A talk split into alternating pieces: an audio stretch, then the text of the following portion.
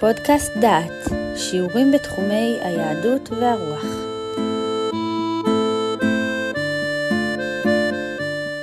ברוכים הבאים לפודקאסט דעת, לקורס ירמיהו ותקופתו.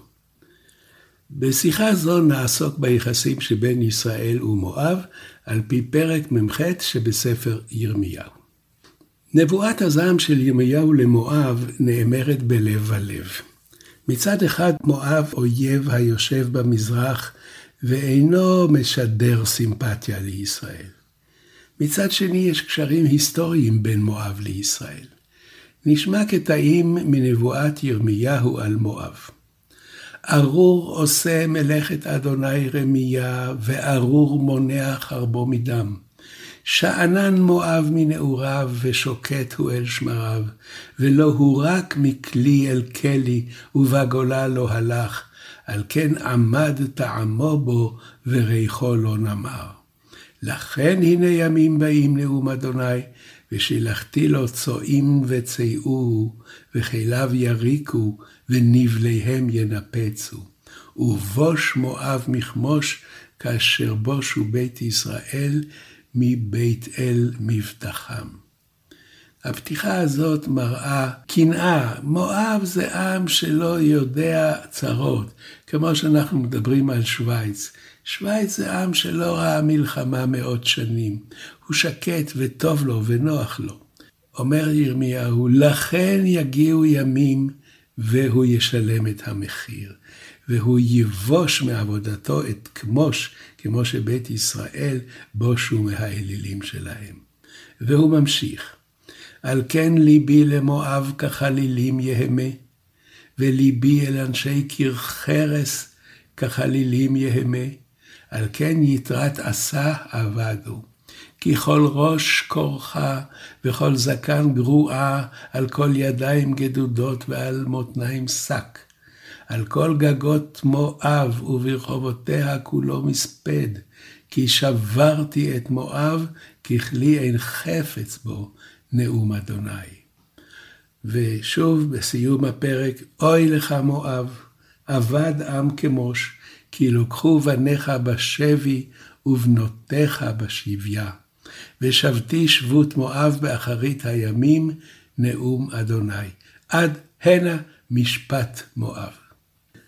המואבים נחשבים לקרובים לישראל קרבת מוצא. מואב היה בנו של לוט, אחי אברהם, ובדברים ב' נאמר כי מארץ מואב ניתנה מורשה לבני לוט. בדברים ב' מספר משה על פנייתו לסיחון דברי שלום, לאמור. אעברה בארצך, בדרך בדרך אלך, לא אסור ימין ושמאל, אוכל בכסף תשבירני ואכלתי. ומים בכסף תיתן לי ושתיתי, רק אעברה ברגלי, כאשר עשו לי בני עשיו היושבים בשעיר, והמואבים היושבים בהר. בני מואב מופיעים כאן כמופת לחיקוי. הם אמנם לא נתנו לישראל אוכל, אבל נתנו זכות מעבר, וגם מכרו להם לחם ומים. ערב הכניסה לארץ היה מואב יוזם את העימות עם ישראל. תחילה הזמין את בלעם לקלל את ישראל, והוא סובב עם בלק בן ציפור מלך מואב וחיפש מקום, ממנו רואים את העם ומקללים בדיוק. וכאשר הקללות אינן מצליחות, שולחים המואבים את בנות מואב לפתות את העם ולעבוד לבעל פאור. אבל הפרשה אינה מסתיימת במלחמה עם מואב, אלא בקרב נגד מדיין.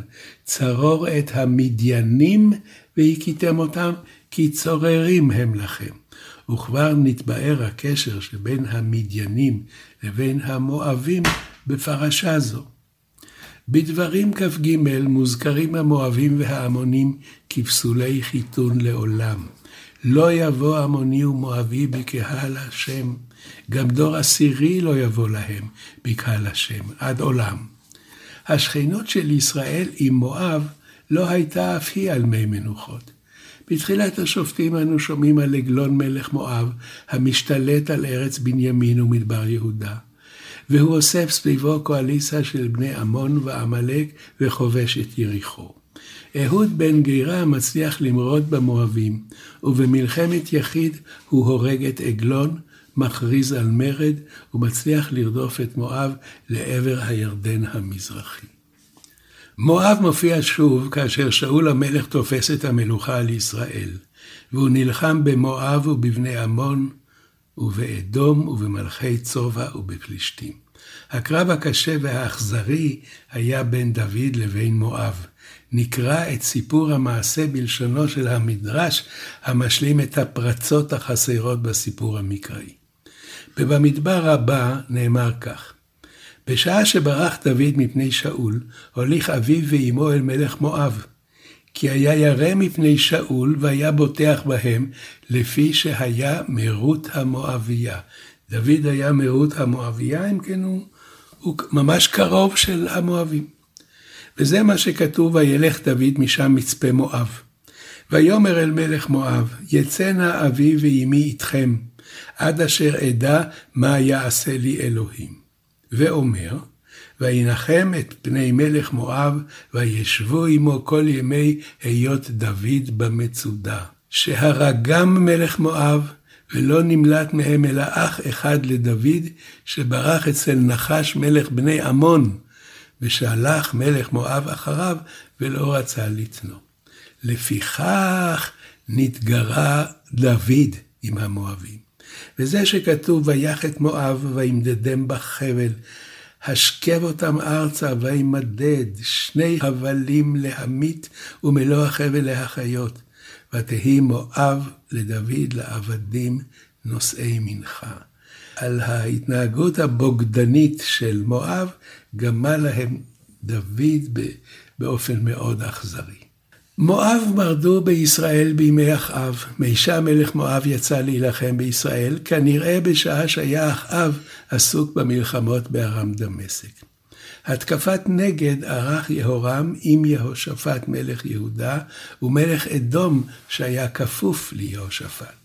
באותה מלחמה ניצחו את המואבים, ומישה מלך מואב העלה את בנו לקורבן עולה על החומה.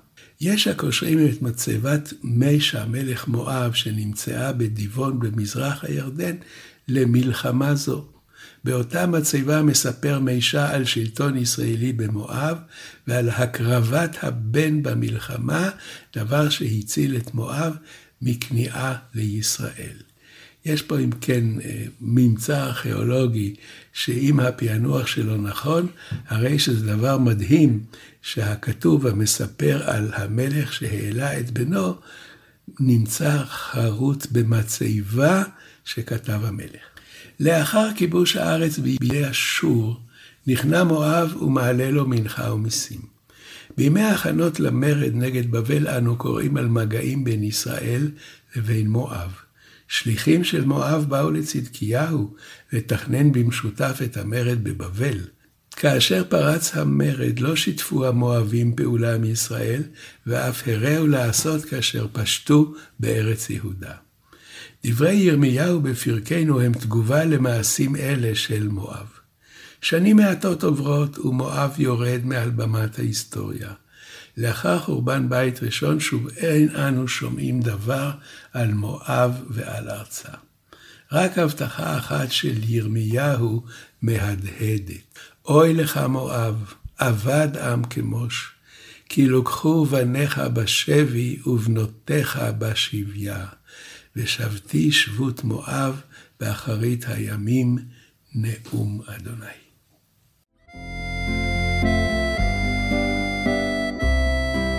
שמעתם שיעור מתוך הקורס ירמיהו ותקופתו, מאת פרופסור יהודה אייזנברג. את הקורס המלא וקורסים נוספים ניתן לשמוע באתר דעת במדור פודקאסט.